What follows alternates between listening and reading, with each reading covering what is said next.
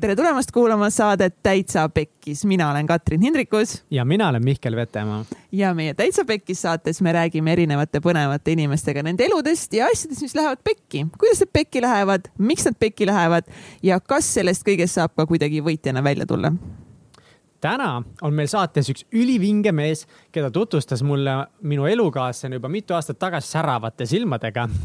see mees on Gerd Kristjan Rungi uh,. Uh.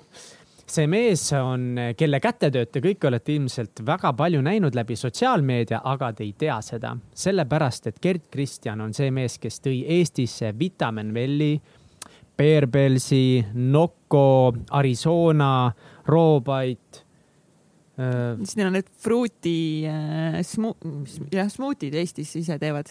ja ühesõnaga ülipalju kraami ja ta alustas äh, oma ettevõtluskarjääri tegelikult väga noorelt juba õli, üliõpilas jah, õpilasfirmadega, aga üheksateistaastasena siis ta lõi GKR Trade'i ja saatis sada viiskümmend kirja üle maailma laiali mitme aasta jooksul ja siis see saja viiekümne ühes Vitamin Welli tuli vastusega, et davai mees, tule räägime. jah, ja enne seda ta veel äh, tegeles äh, hambavalgendusplaastritega mingi neli aastat, tõi neid maale müstida ja pärast tuli välja, et äh, okei okay,, kuulake ise, mis pärast välja tuli sellega seoses. just ja ta on muidu, ta on suur jalgpallifänn ja üldse tervislik mees, nii et meil oli väga-väga lahe saade temaga. Ja ta tõesti on rahulik, chill ja väga sihikindel mees. Jah, viis pool aastat võttis aega, et ettevõte korralikult äh, üles töötada ja nüüd äh, saab natuke rahulikumalt võtta, et ei pea enam öösel kella neljani tööd tegema, aga ausalt, mulle Gerdiga meeldis nii hullult,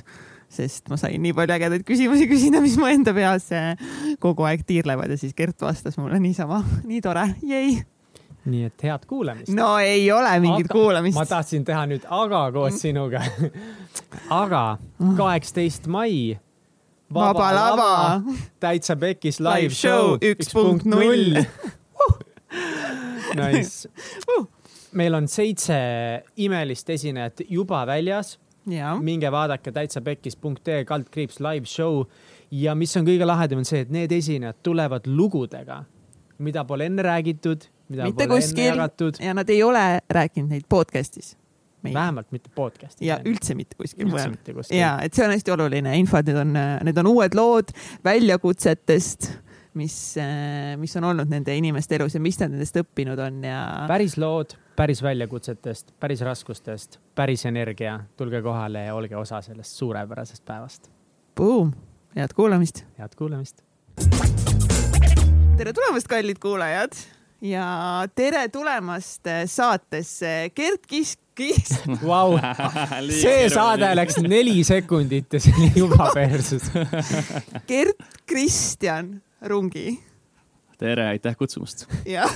GKR Trade, minu jaoks sa oled äh, mees, kes on äh, põhimõtteliselt kuidas ma ütlen seda? Nonii, ütle lühidalt. ma ütlen lühidalt. Äh, mees, kes on Instagrami toodete taga, mis kõlab võib-olla hetkel nagu kummaliselt, aga samas, kui ma hakkan mõtlema, mis tooted ma olen kõige rohkem näinud Instagramis mingi jagamismängudes või mingitel superstaaridel käes, siis need on need tooted, mille taga oled sina. see mees on Gerd Kristjan. ja samas nagu keegi ei tea sinust midagi. Ja, sest mul endal on Instagram, aga mitte ühtegi postitust veel. Pole jõudnud enda Instagrami veel arendada aga küllap see viga tuleb kunagi parandada, eks. kusjuures mul hiljuti küsis üks sõber just nädalavahetusel, et eh, Gerd-Kristjan, kuule, et miks sa ühtegi story't ei tee? siis mõtlesin, et tänapäeval ongi elu nagu normaalsus see, et sul peavad story'd olema, et eh, kui sul neid ei ole, siis küsitakse vaadatakse imelikult su peale. aga jah eh,, eks tänase saate jooksul loodetavasti kuulajad saavad natuke rohkem teada. Jaa, vaja on teada, jah. täiega on vaja teada, seepärast et eh, nagu sa ei tee story sid, onju siis me ei tea, mida sa teed, kes Just. sa oled, sind pole olemas, onju.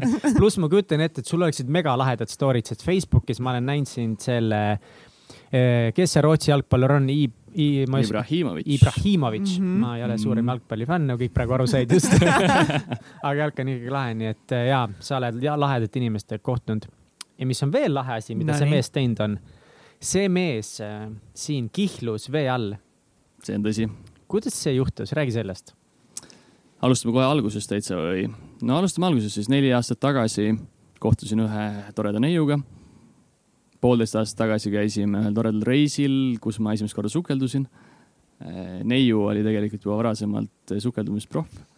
mm. ja, ja siis, kui tuli mõte, et eh, võiks hakata sõrmust vaatama, siis loomulikult hakkasid peas keerlema, et kuidas see üle anda.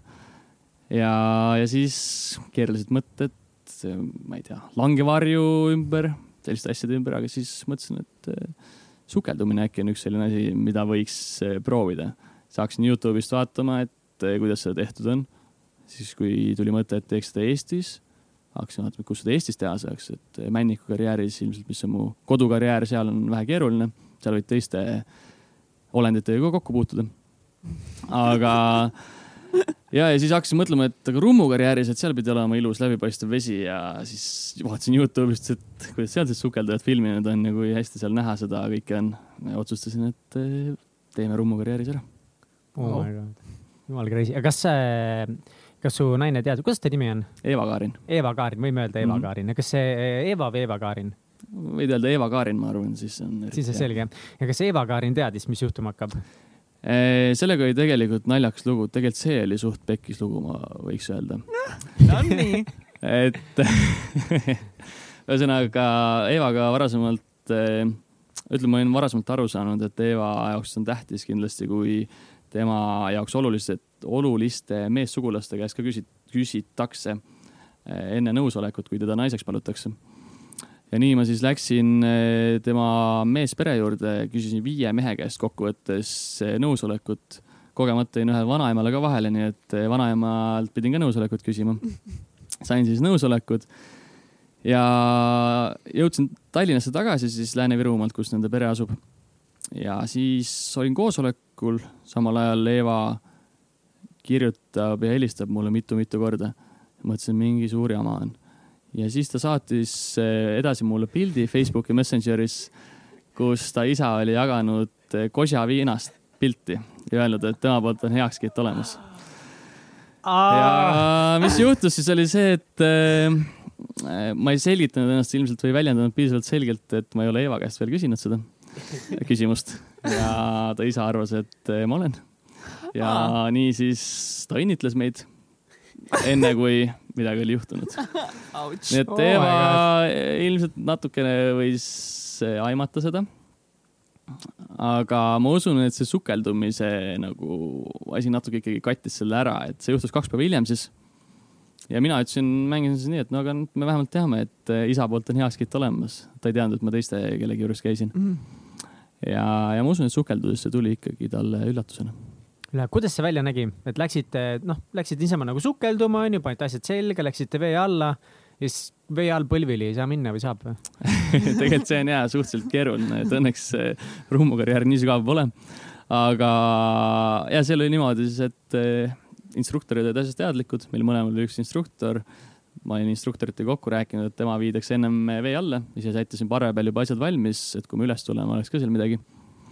ja siis eh, Eevat seal, Eeval näidati seal palju Rummu karjääri juba avarusi. kui mina ka siis lõpuks alla läksin, kuna ma sukeldusin ennast teist korda, siis mul oli tegelikult algul väga suuri raskusi.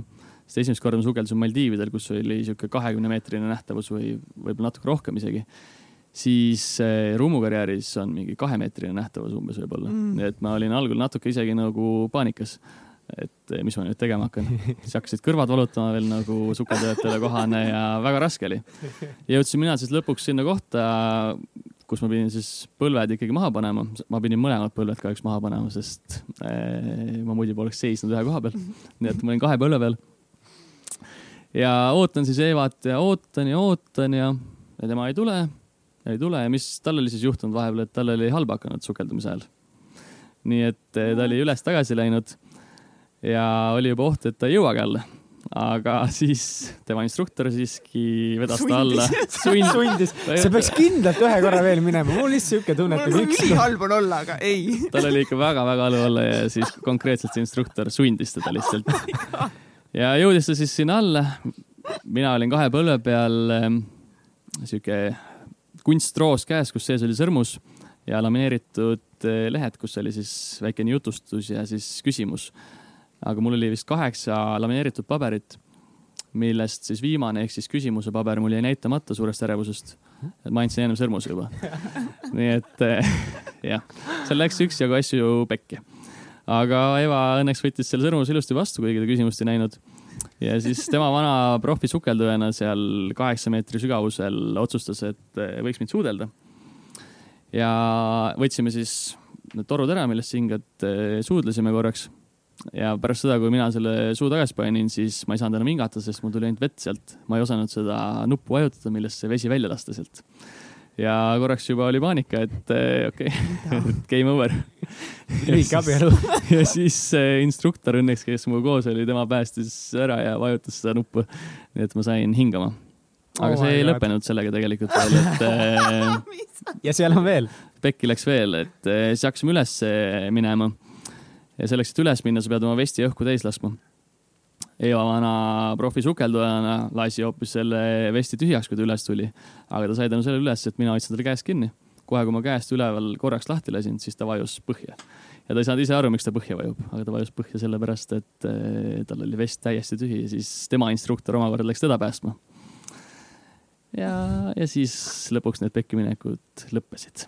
nii et ma loodan, et meie abielus siis ehk ei tule neid pekkiminekuid enam, et kõik juhtus ennem ära ma loodan, et ja. teil on abielu jaoks ka nagu instruktorid igal pool kohe olemas peavad olema. mul on tunne, et instruktorid päästsid päeva. ülilahe, see on nii kihvt nagu, see on nagu romantiline, see on naljakas, see on äge. ma nüüd mõtlen, et jällegi meie mehed peame siin jälle nüüd seda top-up ima kuidagi oh, Jenny kuulab täiega. kõrvalt meil ja, siin ja. praegu. mul on mõtteid veel, nii et andke märku, kui on vaja super, ühesõnaga sa tundud nagu tagasihoidlik mees esmapilgul, tegelikult sa oled sitaks äge Eh, milline sa noorena olid, kas sa siis juba hakkasid ringi möllama või see ettevõtlus tuli hiljem? ma olen eh, algusest peale, ma arvan, olnud sünnist saadik üsna aktiivne olnud, et eh, mul on olnud selline pere ümber, kes, kes on hästi lahedad, aktiivsed, sportlikud, reisivad. mul on kolm onu, kes on olnud minu jaoks nagu vennad, kuigi mul endal on nüüd alles seitsmeaastane vend ja kaks väikest õde aga ütleme, et nooruspõlves mul ei olnud eh, päris õde või vendasid, vaid olidki onud ja siis tegelikult ka mu vanemad ei ole minust väga palju vanemad. mu ema oli seitsmeteistaastane, kui ma sündisin mm.. nii et eh, täna võib öelda, et ta on nagu mu sõbranna. ma olen nii ema kui isaga ööklubis käinud näiteks mitmeid kordi. ma olen ka. sama. et eh, jah, ütleme, aga jah, noorusest saadik ikkagi on seda aktiivset eluviisi meie peres nagu kuidagi harrastatud. Kas sul on vanemad ka tegelenud ettevõtmisega? ettevõtlusega. ettevõtlusega ja ette võtavad nad palju. Äh, ettevõtlusega ja tegelevad, isa on tegelenud pikalt, tema on restoranäris mm. ja ema on siis äh, finantsteenuseid pakkuva ettevõtte omanik no.. aga kas siis nad noorena kohe sind suunasidki, et nüüd pead minema õunu müüma ja siis onuga neid kuskile õunu müüma, sa pead õunu korjama, onuga neid müüma see tegelikult juhtus täiesti nagu, no see oli sunniviisiline selles mõttes, et eh, meil on eh, Saaremaal suur suvila, kus kasvab liiga palju õunu ja liiga palju mustsõstreid ja neid pidi korjama ja neid pidi siis realiseerima, sest ilmselgelt sa ise ei suuda neid kõiki ära süüa. ja jah, noh, ilmselt see oli suvel selline aeg, et kui lasteaeda polnud, siis mind saadeti hoopis õunu müüma Kajaka turule. said raha kõik endale või? ausalt öeldes ma ei mäleta sellest mitte midagi, äkki midagi sain, võib-olla Patrick Laiverti T-särgi sealt või midagi säärast mm tegid tööd ja siis vaadati, mis tasu saad. just. mis sulle veel lapsena meeldis peale ettevõtliku olemise? ma arvan, nagu igale lapsele meeldis mängida, sõpradega koos olla. Äh, jalgpall on olnud minu jaoks lapsest saadik ju selline tore harrastus, üsna varakult hakkasin mäesuusatamisega tegelema. okei okay,, okei okay., eriti aktiivne, no väga lahe. aga kus sa koolis käisid? koolis ma käisin alguses tegelikult Rapla koolis kaks esimest klassi ja seejärel Saku koolis mm. -hmm. ja gümnaasiumis?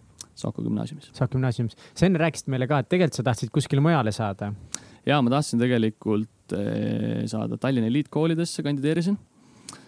aga kahjuks jäin sealt eh, üsna pettumust valmistavate tulemuste tõttu katsetel välja ja jäin siiski Saku gümnaasiumisse. palju sa punkte said? Seal erinevad ained, matemaatikas sajast punktist ma arvan äkki mingi kaheksateist, nii et see tõmbas enesekindluse üsna kõikuma oh,. mul on nii hea naerda selle üle, nagu ma oleks mingi hull matemaatik, aga meil oli, no meil oli koolis niimoodi, et ma käisin Tartus ühes gümna-, ma käisin Tartu Forseliuse gümnaasiumis ja meil lihtsalt keelati matemaatikaeksamit teha, sest me olime kõik nii halvad ja siis kaks klassi kõige targemat inimest võtsid, noh, see, me räägime riigieksamitest tegelikult nüüd äh, pärast gümnaasiumi vist hoopiski, ma ei mäleta, mis need eksamid need kurat olid. Mm..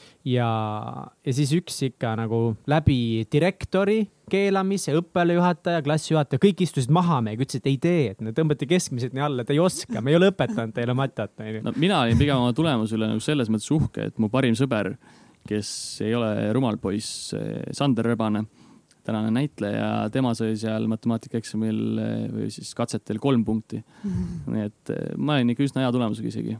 see on väga hea, see on, noh, see kolm punkti on kindlasti kolm punkti rohkem, kui mina oleks saanud, nii et. aga sellega seoses eh, minul direktor Saku gümnaasiumis oli väga kahtleval seisukohal, kas ma võiksin teha ühiskonnaõpetuse eksami gümnaasiumi lõpus seepärast, et meil eh, läks seal ühe õpetajaga asi natuke pekki, mille tõttu üks õpetaja siis suuresti minu pretensioonide ja konflikti tõttu temaga poole aasta jooksul eh, lasti lahti. Eh, kuna ta ei siis hinnanud õpilasi õiglaselt ja kontrollinud tegelikult nende töid nii, nagu oleks pidanud ja nii nagu õpilased oleksid tahtnud seda tagasisidet saada aga siis me ikkagi suurema osa klassiga tegime selle eksami ja ma sain üheksakümmend neli punkti uh,, mis oli ei. kooli parim tulemus, nii et väga nice. mis sa tegid sellele õpetajale, mis sa tegid sellele vaesele õpetajale? kusjuures see asi algas päris naljakalt, et ma sain ühe kodutöö viie miinuse ühe essee ja siis ma küsin talt, et miks ma miinus sain, lihtsalt huvi pärast, ma tahan eksamit teha, et ma tahan teada, et mis siis valesti oli mm. -hmm. ja ta ei suutnud mitte kuidagi põhjendada, mis valesti oli ja siis teistel mm -hmm. nagu oli sama teema, et need, kes said kolme või kahe võib-olla isegi, et nende osas samamoodi, et keegi ei saanud aru, miks nad said siukseid hindeid. ja no, see hakkas korduma hiljem nagu veel muude kodutööde, kontrolltöödega. ja kahjuks ei respekteeritud ja tegelikult iseenesest tore inimene ei suutnud oma vigu tunnistada ja lõpuks ta oli sunnitud lahkuma okei okei. no see on suht hea põhjendus küll juba, kui sa annad mingi hindeid, jah, ma ei tea, miks nagu, miks, miks ma kolmes olen, ma ei tea.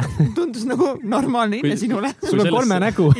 Kui sellesse nagu rohkem tiip veel minna, siis eh, ühel hetkel olid mul nende viie miinuste asemel, siis mis ma olin aasta alguses saanud, tekkinud e-kooli ühed hoopis. ja see oli siis selle konflikti ajal ära muudetud. Mm.. hiljem e-koolist, õnneks, et oli e-kool, eks mitte tavaline päevik enam, et siis nähti, et neli kuud hiljem olid need hinded muudetud et muudeti jälle tagasi. Sa olid kooli ajal ka hästi aktiivne ettevõtja, me siin tegime research'i. Ah,, by the way, shout out to Kristel. meil äh, praegu siin äh, esimese paari, mis esimese, meil on äh, kahe episoodiga nüüd aidanud üks uus inimene, keda me vaatame, kuidas toimib ja ta tegi jumala kõva research'i sinust. Ja ma nagu tean kõike. Väga hea, no nii vaatame okay,, mis sa tead. ma nüüd kahetsen just seda, mis ma ütlesin. Ja, ja Mihkel teiega ma kahetsen seda, mis ma ütlesin, aga me teame, et sa tegid kõvasti õpilasfirmasid kuidas sa avastasid õpilasfirmad enda jaoks? jah, tegelikult meil oli siis õnn eh, samas koos, meil oli õnn siis eh, sõber Sandriga, kes samuti Tallinna Eliitkooli sisse ei saanud eh, õppida või asuda õppima Saku koolis majandusõppeprogrammi. ja seal oli õpilasfirma tegemine kohustuslik esialgu. ja mis seal ikka, istusime maha, pidime aja, ajurünnakut tegema, mõtlesime, et midagi peaks tegema, tegime T-särke müüsime neid, meeldis. ja siis teisel aastal tegelikult tegime veel suuremalt ja juba vabatahtlikult uuesti. et me nägime, et, et see on esiteks lahe asi, sellega saab väga palju uusi tutvusi, know-how'd, kogemusi ja samas ka taskuraha kellele te neid T-särke müüsite, need olid päris siuksed naljakad T-särgid, et need ei olnud sellised viisakad, mida mingid ärimehed kannavad, vaid pigem. no kui Või..., kui sa Kalle Pallingut ei pea viisakaks inimeseks, siis siis on jama ma saan EKRE toetaja, ma saan aru, jah. Martin Helmele me ei müünud, aga, aga jaa. ühesõnaga, me tegime siis, me tegime erinevaid T-särke tegelikult, et ilmselt need, mida sa silmas pead, olid erinevate naljakate piltidega, meie poolt joonistatud piltidega üldiselt kuulsatest inimestest või karakteritest. aga ütleme, see, kus meil tegelikult taskuraha tuli, oli see, et me hakkasime tegema klassidele siis erinevaid T-särke klasside piltidega. ise pildistasime klassi pildi ja trükkisime selle särgi peale, nii me saime müüa ühe särgi, ütleme siis kolmkümmend ühesugust särki. kui me muidu neid karakteritega särke müüsime ühekaupa, siis klassidele me saime müüa hulgim kohe uh,. kes teil müüki tegi? tegelikult ise tegimegi, mina ja Sander suuresti, et käisime erinevates Eesti koolides lihtsalt puhtalt astusime klassi uksest sisse ja ütlesime, et kas teil on üks hetk aega, jagasime oma flaierid ja, ja niipidi müüsime. aga sealt seal oli ka üks pekkiminek tegelikult, esimene tellimus tuli meie enda vana klassijuhataja poolt, kohe kolmkümmend särki. ja me mõtlesime, okei okay,, et meil on täpselt see kolmekümne särgi raha, et see praegu ära osta. Neilt me saame raha alles siis, kui neil särgid käes on. ja siis, kui me andsime tellimuse omakorda trükikojale sisse ja särgitootjale, siis selgus, et eh, täpselt ühte värvi särke ei saa. et ma ei mäleta, ma arvan, et särgid olid sinised, mhm. aga osad tulevad tumesinised, osad helesinised. no me mõtlesime, okei okay,, et saab kiiresti valmis, teeme nii me ei kooskõlastanud seda selle klassiga. Mhm. ja siis, kui me need kohale viisime, siis ma arvan, et seal oli isegi kolm erinevat värvi. siis see klassijuhataja vaatas, et poisid, te tegite, pidite tegema meile ühesugused särgid, te tegite kolm erinevat põhimõtteliselt ja ta saatis kõik need tagasi meile oh. ja siis me mõtlesime, okei okay,, et kliendiga tuleb vist asjad ennem kokku leppida, kui siukseid otsuseid vastu võtame. nii et jäite miinusesse selle, jah? selle esimese korraga küll jah, hilisemad pidime marginaali tõstma, ma arvan, hiljem. ja, jah hull ärikas siin juba aga kas sulle siuksed tegevused kohe hullult meeldisid ka või, et noh, esimene firma, kohe sihuke suur pekkiminek. kas sa seal hetkel nagu mõtlesid, et oh, et see ettevõtlus tegelikult võiks olla midagi, mida ma terve elu hakkan tegema? jah, ma hakkasin ettevõtluse peale tegelikult mõtlema põhikooli lõpus pingsamalt. et tegelikult see algas kõik ka üsna huvitavalt, et eh, mu onu, üks, eh, üks onudest käis Ameerikas raamatuid müümas ja kõik need äh, raamatumüügipoisid loevad läbi Robert Kiyosaki Rikka ja vaese isa, eks, nagu kõik EBS-i üliõpilased ka. tema oli EBS, EBS-i üliõpilane ka. ja siis ta ütles mulle tema juures külas olles, et kuule, võta raamat, loe see läbi. seesama raamat siis, mina mõtlesin, okei okay,, et ma viisakust võtan selle raamatu vastu, aga et mul piisavalt palju kohustuslikku kirjandust juba koolist, et ma ei viitsi elu sees mingit raamatut lugema hakata. aga mm -hmm. kõndisin siis kilomeetri kaugusele kodu poole ja hakkasin seda raamatut lihtsalt alguses sirvima. ja kuna see raamat algab sellest, kuidas see nimitegelane siis noorena teeb selle oma business'it, müüb mingit mahla või midagi oma kodutänavas, siis see hakkas mind eh, köitma kohe. ja kuidagi ma suhestusin sellega hästi ja ma arvan, et järgmiseks päevaks ma olin selle raamatu juba läbi lugenud. et see oli tegelikult, peab ütlema, et see raamat oli minu jaoks üks selline tõuge, kus ma sain aru, et eh, võiks ettevõtluse peale mõelda ja samas kui ma nägin nagu seal raamatus seda karakterit, kes on see palgatöötaja variant, siis tol hetkel ma nägin kodus väga hästi seda oma ema pealt, et tol hetkel tal ei olnud veel enda ettevõtet, vaid ta töötas siis eh, teises ettevõttes kellegi heaks. ja ma nägin, et see võib-olla ei ole nagu päris see, mida ma teha tahan. ja see raamat andis mulle selle väljundi, et mida ma võiksin teha. vana sa olid siis? üheksandas klassis oli see, üheksanda klassi alguses ja siis kümnendas klassis tekkiski võimalus õpilasfirma teha. okei okay,, ülilahe. kuidas panna rohkem üheksandikke nagu sihukest raamatut lugema või mida sa ütleksid neile, sest ma mõtlen, et nagu ma tean, et mina väiksena no,, nooremana, ma unistasin küll kindlasti mm. suurelt ja palju. aga noh, see kõik oli niimoodi, et ma viieteist aasta pärast vaatan, on ju. aeg on veel. ja täpselt, et, et mis sa ütleksid nagu noortele, et panna neid lugema ja mõtlema juba? no üks asi on lugemine, eks, et eh, mina isegi võib-olla lugema, see ei ole nagu kohustuslik, aga ma ütleks, et noored võiks panna ennast proovile, et eh, meil on tegelikult väga-väga tore sihtasutus Eestis, mis eh, kannab nime Junior Achievement, kes tegelikult kogu majandusõppeprogrammi Eestis koordineerib eh, väga suuresti oma vabatahtlikkuse alusel. riigi poolt nad väga palju toetust ei saa ja nemad teevad juba ka algkoolile, ka põhikoolile siis sedasama programmi. sul on võimalik teha enda firma juba tegelikult viiendas klassis näiteks, kui sa tahad. lihtsalt katsetada, teha ise küünlaid või seepe või mingeid ehteid. panna ennast proovile ja näha nagu tegelikult, kuivõrd nauditav ja lihtne võib-olla see kohati on ja samas mm., kui sa näed, et sa ei taha ettevõtjaks hakata, vaid sulle meeldib hoopis teha turundust, sulle meeldib eh, personali juhtimine või hoopis tootmine, nende ehete kokkupanemine, et siis sealt sa leiad enda nagu selle väljundi juba mm. kujutan ette mingi viienda klassi mingit lotat, kes on mingi mine metsa, minust saab kindlasti personalijuht nüüd personalijuht on võib-olla veits keeruline, aga ütleme, et eh, miks mitte turundus või jah, turundus, ma arvan, on hea, et mul on endal eh, siis minu tüdruku Eva-Karini eh, õde, kes käib üheksandas klassis, tema näiteks juhib ühte meie sotsiaalmeediakanalit yeah.. et samamoodi ma tahtsin talle anda võimaluse väljund, et ennast proovile panna selles. ja kusjuures ju see Zack Marquet siis, kelle see äh, jakk mul seljas on, siis nendele teeb ka turundust üks hästi noor tüdruk ka. nad ise tarbivad seda sisu yeah. ja neil on väga hea seda teha ka. jah yeah mega lahe. Aga kus siis, kus toimus see muudatus, kus sa otsustasid, et nüüd ma liigun õpilasfirmadest välja ja päris maailmasse? see otsus tuli tegelikult pärast esimest õpilasfirmat juba pärast kümnendat klassi siis. jälle seesama onu, Sulev, kes käis raamatuid müümas, soovitas mul raamatut lugeda. Just, tema siis samamoodi, kui ta oli Southwesternis, siis ta leidis poest USA-s sellise toreda brändi nagu Crest, mis on suuhügieeni bränd, kõige suurem suuhügieeni bränd USA-s nagu meil Blendamed või Colgate. ja neil on ühed unikaalsed tooted, hambavalgendusplaastrid. ja ta mõtles, et neid võiks hakata Eestis müüma. pidas ise pikalt plaani, lõpuks ta läks palgatööle ja ei jõudnud sellega tegelema hakata. ja siis minul tekkis juba huvi enda mingi ettevõtmine luua ja mõtlesin, et aga miks mitte, et ma teen ise selle ära siis. ja hakkasin pihta vaikselt sellega, et eh, see oli siis esimene nagu päris ettevõte. mis sa siis tegid, mis sa nagu reaalselt siis tegid? reaalselt ma tegin seda, et eh, ma tegin internetis ise tasuta kodulehe, üsna lihtsam. tellisin e-base'ist viiekümne euro eest, mis ma oma emalt laenasin, mis on siin igal pool meedias saanud kuulsaks eh, tsitaadiks, viiekümne euroga äri alustamine jah, laenasin selle viis, viiskümmend eurot, ostsin e-base'ist ühe karbi neid hambavalgendusplaastreid, müüsin ühe karbi maha. Kellele? ma ei mäleta ausalt, aga Uku Suviste näiteks oli üks mu suuri kliente. tal on ilus naeratus, eks. no vot. Uku naeratuse saladus. ma loodan, et ma nüüd seda andmekaitse seadust ei rikkunud siin, aga siis, siis, siis veel ei olnud seda tagasiulatuvalt täpselt ei ole siin midagi ja, ja siis ostsin kaks, kaks karpi, müüsin need kaks karpi maha, ostsin neli karpi.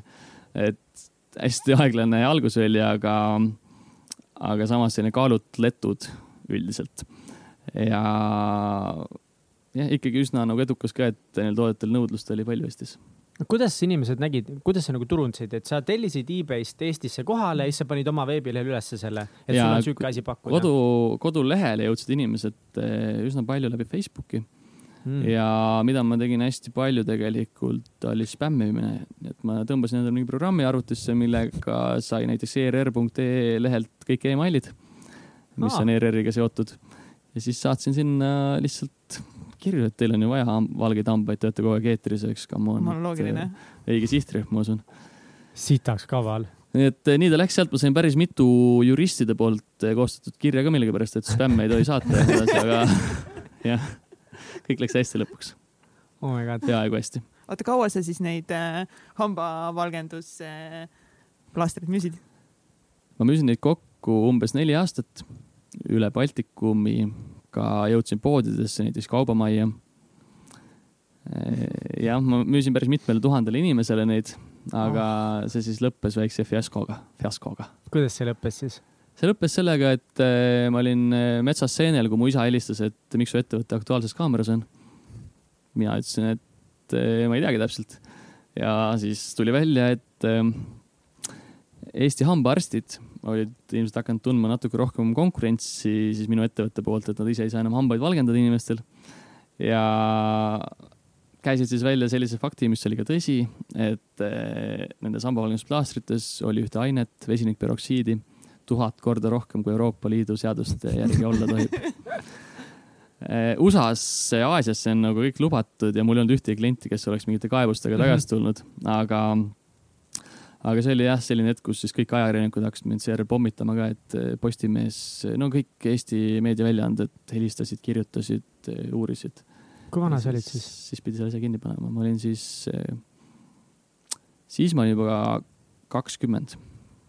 nii et sa alustasid seda siis mingi kuueteistaastaselt mm -hmm. ja kahekümneselt, kui sa olid juba vallutanud siin Baltikumi ja hambaarstid kõik töölt ära jäänud ja töötuks teinud, siis su äri lõppes aga sa panid siis selle kinni või mis siis sai? No, mingi tegel... kohtusse ei kaevanud sind keegi? ei, seda õnneks mitte, et seal olid mõned teised tooted ka, mida ma vaikselt müüsin edasi, aga ühel hetkel jah, kuna need tooted olid siis põhiline müügiartikkel, siis, siis ma lõpetasin sellega lihtsalt. see kõlab nagu nii lihtsalt mulle, et sa lihtsalt äh, tellisid selle toote ja mm. siis müüsid ja kõik ostsid, et aga kuidas sa, kas sa ainult tegidki spämmturundust või, või...? ja ma, ma ütleks, et tegelikult nagu selle toote osas oli turundus äh, ennem ära tehtud juba, et, et inimesed kes tellisid mult, väga paljud teadsid seda toodet ja need, kes siis tarvitasid või tarbisid seda, lõpuks nemad rääkisid oma sõpradele, sugulastele ja see oli siuke suust suhu nagu turundus. me käisime messidel, erinevatel üritustel ka nagu promomas veel. kas sa tegid mingi meeskonnaga endale? ja mul oli tegelikult seal vahepeal üks abiline, aga üldiselt ma handle isin eh, enam-vähem kõike üksinda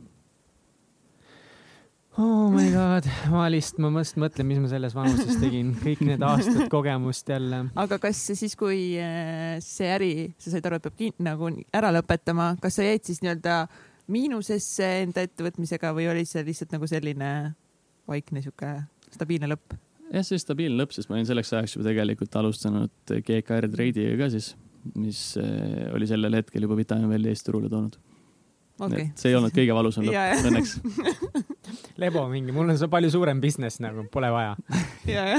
Oota, aga ma nüüd ei teagi nagu, kas sellest äh, hambaasjast veel rääkis, mul on nii palju küsimusi ikkagi, kuidas, okei okay,, ma küsin seda, et, et kuidas sa lihtsalt teadsid, mida teha?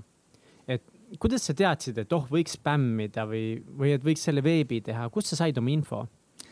ma arvan, et see tuligi tegelikult äh, üsna palju sõpradelt näiteks näiteks sama sõber Sander eh, kindlasti andis mulle hästi palju mõtteid, ideid, sest tema tegeles samuti erinevate asjade müügiga online'is. ja no kui sul raha ei ole, siis eh, sa otsid lihtsalt võimalusi nagu, kuidas sa saaksid võimalikult kuluefektiivselt eh, asju turustada, turundada ja müüa. et jah, spämmimine oli nagu sihuke lihtne viis. õhtud veetsid Google'is ja otsisid how to just ja siis õppisin Google Analyticsi see selgeks ja et selles mõttes see andis nagu sellised esimesed kokkupuuted mulle ka näiteks Google Analyticsiga, Facebookiga, Photoshopiga. et täna ma võin nagu kõiki neid asju mingil määral ise teha, kui vaja on mm.. aga kui, nii küsi. ei, et kui hull su elu siis äh, graafik oli sellel, sellel ajal, kui sa seda ettevõtet üles ehitasid? no gümnaasiumi ajal päev nägi välja selline, et kui ma koolis olin, siis aeg-ajalt vastasin emailidele, pärast kooli kleepisin neid tooteid, eestikeelsed tekstid peale ja siis eh, kirjutasin ümbrike valmis, pakkisin neid ja põhimõtteliselt iga päev käisin Saku postkontoris, et need pakid siis teele panna. ja jah, see oli sihuke igapäevane rutiin üldiselt. normaalne, rikas. aga kus siis see GKR Trade sai alguse? GKR Trade sai alguse sellest, et eh, käisin ühel Rootsi kruiisil ja üleüldse olin nagu tegelikult kuulnud, et vitamiinijoogid on mingi teema maailmas, ise polnud kunagi väga joonud ennem ja, ja siis läksin ostma ühte vitamiinijooki, mida mulle reklaamiti varasemalt ühe sõbra poolt ja nägin selle kõrval eh, hoopis Vitamin Welli. see, mida mulle reklaamiti, see oli Coca-Cola vitamiinijook siis. et selle müümist Eestis eh, nagu see poleks reaalne olnud. aga leidsin selle kõrvalt Vitamin Welli maitsesin, proovisin, võtsin ühendust ja siin ta on nii, aga me teame, et me kõik teame tegelikult, me kõik, ma pean siis silmas kolm inimest siin eh, peale Gerd Kristjani on see, et see ei olnud niimoodi. sa ei lihtsalt ei võtnud mingi kõne ja ei saanud business'it, vaid sul oli ikkagi mingi mõte hakata midagi Eestis turustama juba enne Vitamin Welli või? ja noh, tegelikult eh, kuna ma tundsin, et see Cresti nagu business ühel hetkel ilmselt saab läbi, et ühel hetkel hambaarstid või veterinaaramet eh, tulevad peale, siis ma otsisin eh, pidevalt, et kuidas äri kasvatada või mingeid uusi nii-öelda harusid luua. ja ma kirjutasin, ma arvan, kuskil saja viiekümnele erinevale ettevõttele, alates kiirtoidukettidest, mis on kuulsad maailmas, kuni erinevate brändideni välja kirju, helistasin neile, Vitamin Well oli tegelikult siis esimene, kellega mul läks tõsisemaks diskussiooniks. sada viiskümmend, kellele sa sealt kirjutasid? no seal oligi tegelikult neid Saabveid, ma mäletan, et mhm. Saabveid ma üritasin kunagi ammu approach ida okay.. aga õnneks ühed teised noored kutid said hoopis, kes väga hästi toimetavad sellega. Äh, seal oli veel erinevaid brände, ma niimoodi peast rohkem mm -hmm. ei mhm. tulista neid aga, pigem kas, siis jah. oli, oli eesmärk see, et tead, tuua mingi nii-öelda juba tuntud bränd Eestisse versus alguses, et hakata mingit ise mingit asja pusima? ja seepärast, et eh, noh, ikkagi, kui sul on eh, eelarve üsna väikene või kapitali vähe, et siis, eh, siis on keeruline ise midagi luua, sest see tootearendus juba maksab nii palju. ja ütleme siis jah, selle kapitali pealt oli ainuke variant midagi tuua, sellega know-how'd ja omakorda juurde kapitali teenida, et siis ise midagi luua kas see sada viiskümmend emaili ja kõnet, kas see nagu mingi hetk tekitas sinust tunde ka, et nagu võib-olla sa ikka ei saa sellega hakkama, et võib-olla keegi ei taha anda sisuliselt alaealisele kutile oma brändi, oma kaupa edasi? no ma olin üsna kindel, et, et kui see isegi tol hetkel nii on või sel hetkel nii on, siis tulevikus ma saan ju vanemaks, nii et eh, mingi hetk ikkagi. kuradi optimist. õnge otsa tuleb keegi ikka kuskil. keegi ja ikka ja saad oligi. vanemaks, no on no. lootust, et saad. ja oligi. kaua sul aega võttis? et kirjutada neid? no ma arvan, et ma alustasingi tegelikult siis, kui ma kuusteist olin, et siis ma tegelikult hakkasin tegelikult juba otsima ilmselt kõrvalt, Kresti kõrvalt kogu aeg neid eh, uusi brände või mingeid ettevõtteid, keda esindada siinkandis. Et eh, jah, ilmselt sihuke neli aastat, aga noh, ma tegelikult vahepeal müüsin veel eh, alates Hello Kitty käekelladest kuni Angry Birdsi lauamängude või nutikinnasteni erinevaid tooteid ja seda eelkõige läbi siis meie toredate vautšer saitide chilli.ee ja cherry.ee ja mis meil siin. oot, selle Angry Birdsiga oli ka mingi teema mm? -hmm. Angry Birdsiga oli jah üks, üks pekkis teema, et eh, tellisin mina siis Hiinast sada Angry Birdsi lauamängu päris korraliku raha eest. Angry Birds oli tol hetkel no, hästi kuum no see oli vist tuhat eurot minu jaoks tol hetkel hästi suur summa. no ilmselgelt. ja, ja see siis. minu jaoks praegu väga väga suur summa jah, see on tegelikult siiamaani suur summa, eks ja, ja, ja siis äh, tollist helistatakse mulle, kui kaup kohale jõuab, et, et oi-oi-oi, et tundub, et need tooted ei ole originaaltooted. kontrolli käigus avastasime selle ja me peame need tooted hävitama. ja mina siis, noh, igaüks võib ise mõelda, et kas ma uskusin, et need on originaalid või mitte, kui ma need tellisin. ma lootsin, ütleme nii, aga ega väga kindel ei saanud olla, nii et noh, ütleme tolliga mul midagi vaielda polnud tarnijalt ka kahjuks raha tagasi saanud, sest ta oli kadunud pärast seda, kui ma talt selle ostu ära tegin. ja noh, omal vastutusel ikkagi ostsin. ja, ja vähe siis sellest, et need eh, tooted hävitati, siis Angry Birdsi emaettevõtte Rovio Entertainmendi advokaadibüroo Eestis, nende esindaja siis võttis minuga ühendust ja soovis mult saada kahjutasu kolmkümmend tuhat eurot. et ma siis piraatlust eh, soodustasin ja ostsin need tooted. mida sel hetkel tundsid, kui sa seda kirja nägid? no kui aus olla, siis võib-olla korraks võttis põlve värisema, aga noh, kokkuvõttes kuulge, ma olen seitsmeteistaastane kutt, et nagu mina ei tea nendest asjadest midagi. et, et, et nagu see on üsna nagu puhas lollus, et ma, okei okay,, ma tellisin, aga kust ma teadsin, kust, kuidas nad tõestavad, et ma teadsin, et need mm. ei ole originaalid. teiseks, ma ei saanud neid kättegi ehk siis ma ei saanud neid turustadagi, kuigi mul oli Cherry's juba kampaania, pidi sel päeval üles minema oh., nii et ma kiiresti helistasin Cherry'sse, et kuulge, võtke kampaania maha, et eh, kaupa ei tule. võib-olla siiski oli korraks üleval ka. ja, ja siis lõpuks ma vastasingi neile nagu sedasi, nad ütlesid okei okay,, okei okay,, no teeme siis kümme tuhat. Siis ma olin niimoodi, et okei okay,, seda advokaadibürood ma ei võta endale mitte kunagi partneriks tulevikus, sest nad on nii rumalad, et isegi üks seitsmeteistaastane poiss ei koh-, kohku nagu nende peale äkki on asi selles, et sa oled lihtsalt äh, juba noorest saadik väga analüütiline, väga rahulik inimene või lihtsalt see oli? nojah, selles mõttes ma ei ole lasknud tunnetel ennast äh, kuidagi, tunnetel mingit keeristormi peas tekitada, et äh, inimesed võivad nõuda igasuguseid asju, aga sa pead enne mõtlema, et kas see on nagu reaalne või mitte, et äh, noh, kindlasti osad inimesed oleksid läinud nagu natuke ärevusse selle pärast, aga aga ma arvan, et inimestel tasukski natukene chill imalt neid asju võtta ja ja vaadata, kuidas need asjad sujuvad. kuidas, kuidas, palun räägi mulle, kuidas võtta asju chillimalt? no ma räägin, näiteks väga chillilt võttis tolliametnik, kes mind kutsus siis seejärel enda juurde eh, aru pärima minu käest. Ja tema oli nii chill, et ta küsis mult, et no mis siis juhtus ja kuidas nii ja rääkisin talle loo ära. ja siis ta oli nii chill, et samal ajal kui kaksteist vanemad prouad, eh, tema enda ealised umbes kuuekümne siuksed aastased naised läksid toast ära siis ta ütles mulle vaikselt, et tead, aga ma pean sulle natuke trahvi ka tegema. siis ma ütlesin, et oi-oi, väga kahju. siis ta ütles, et kas sada viiskümmend eurot on sinu jaoks liiga palju? ma ütlesin, et oi-oi, see on ikka tõesti palju. siis ta ütles, aga sada eurot. Ma ütlesin, no see on ka natukene palju. no teeme siis kuuskümmend eurot. ja vot nii chill'ilt tulebki asjad lahendada oh,. Please teach me me korraldame seda live show'd ja mul selle raames on mingi neli korda juba südar olnud minu meelest vähemalt neli täna korda. oli üks nendest päevadest, kus mul kõik sõitis ventikasse lihtsalt hinges. ma olen nagu rahulik, aga nagu see värin mu südames mm. on vahepeal nii hull ja eks ta, no selles mõttes see on normaalne ka, et näiteks noh, a la enne esinemisi inimestel tuleb närve sisse, see on kõik, ma arvan, okei okay.. aga lihtsalt kui sind süüdistatakse millegiga, siis nagu, mida sa näed, mis on ajuvaba, siis ma arvan, et sa pead natuke analüüsima seda ennem, kas tasub selle peale üldse, kas see tasub ennast lasta häirida sellest.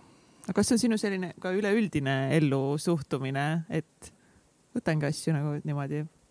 jah nagu?, jah, ma arvan küll, vahel mul on isegi ütleme suhtluses teiste inimestega olnud eh, võib-olla probleeme, et ma võtan natuke liiga chill'ilt mingeid asju et vahel on seda ka ette heidetud, aga ma arvan, et üldiselt inimesed mu ümber austavad või on õnnelikud, et ma selline olen.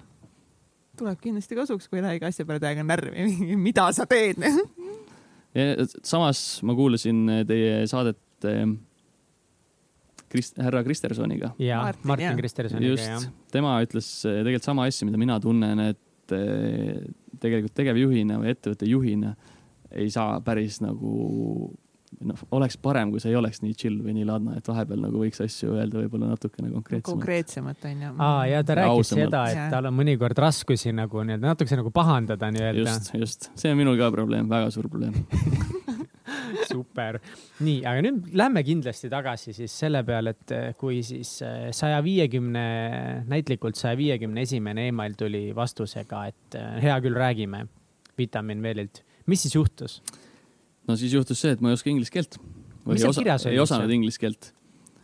seal oli kirjas ilmselt see, et äh, rääkige nende ettevõttest lähemalt, kes te olete, mis te teete, miks me peaksime teile andma selle esindusõiguse Eestis. Ja, ja siis tuli mängu mu kurikuulus onu Sulev, kes tänu Ameerikas raamatute müümisele oskas inglise keelt väga hästi. ja siis ma palusin, palusin temal kirjutada, pärast sellele järgnes kohe telefonikõne meil oli siis kogu strateegia läbi mõeldud, kuna tema töötas sel hetkel Saku õlletehases, siis me rääkisime, et meil on Carlsberg Grupiga seotud kogemused, kõik asjad olemas. valutame kogu Baltikumi kohe ära ja ei ole probleemi wow. Carlsberg Grupiga seotud kogemus just.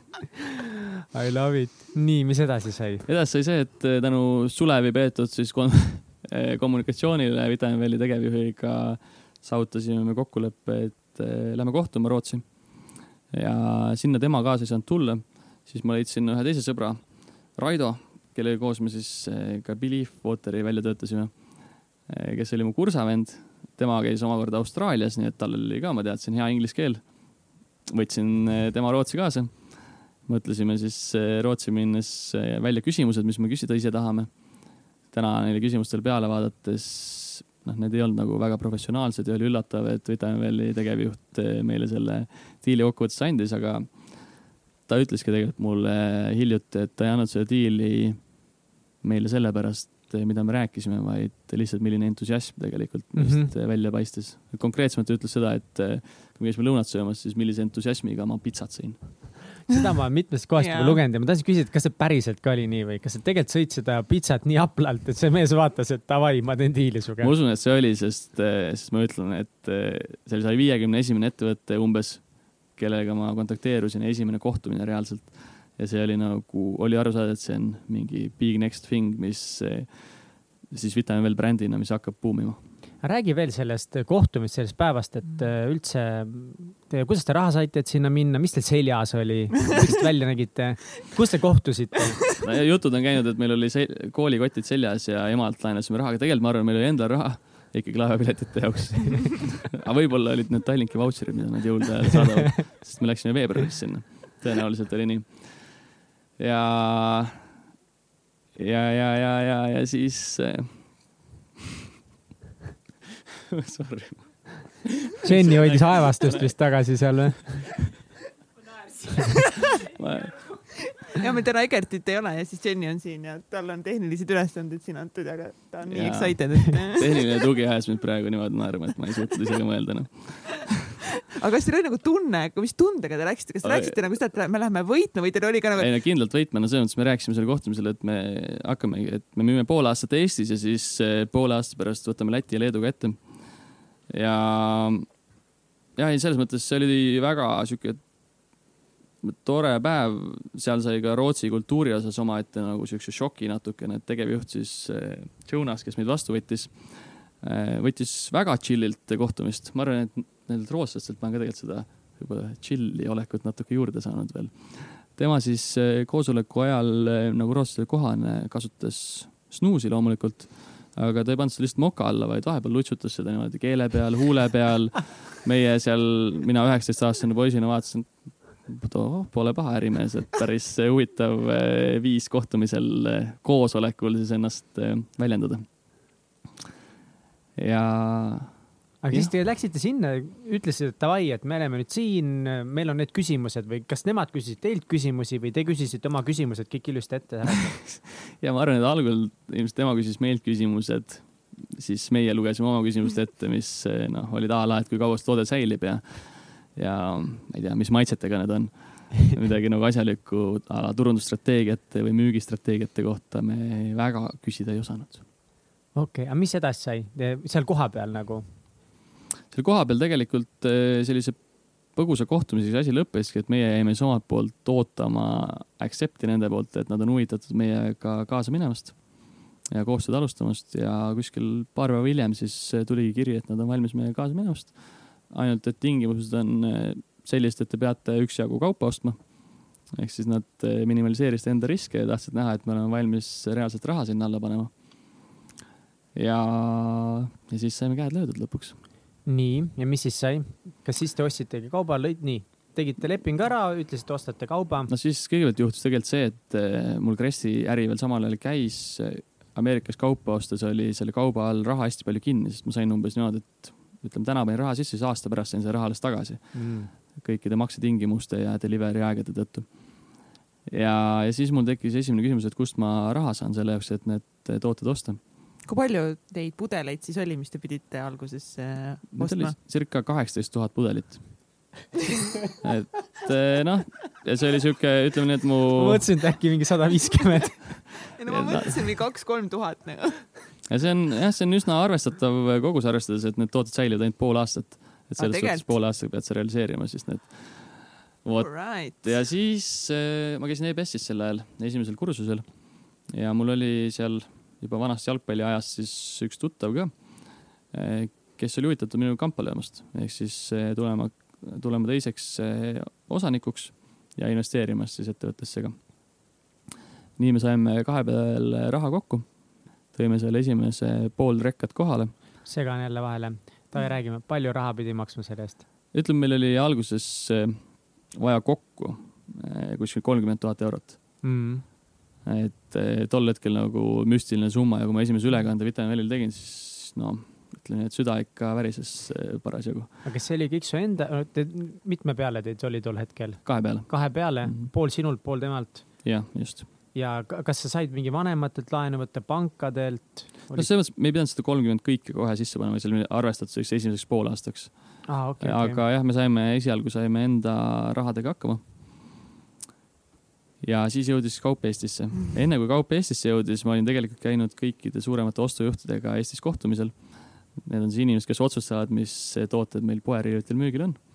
ja ma ei tea, kas minu naiivsusest või kogenematusest eh, mulle jäi mulje, et vähemalt pooled neist on valmis need tooted kohe müüki võtma, kui need tulevad, et kõik ütlesid, et tundub huvitav, aga see tundub huvitav, ütlevad nad vist igale ühele tuli välja.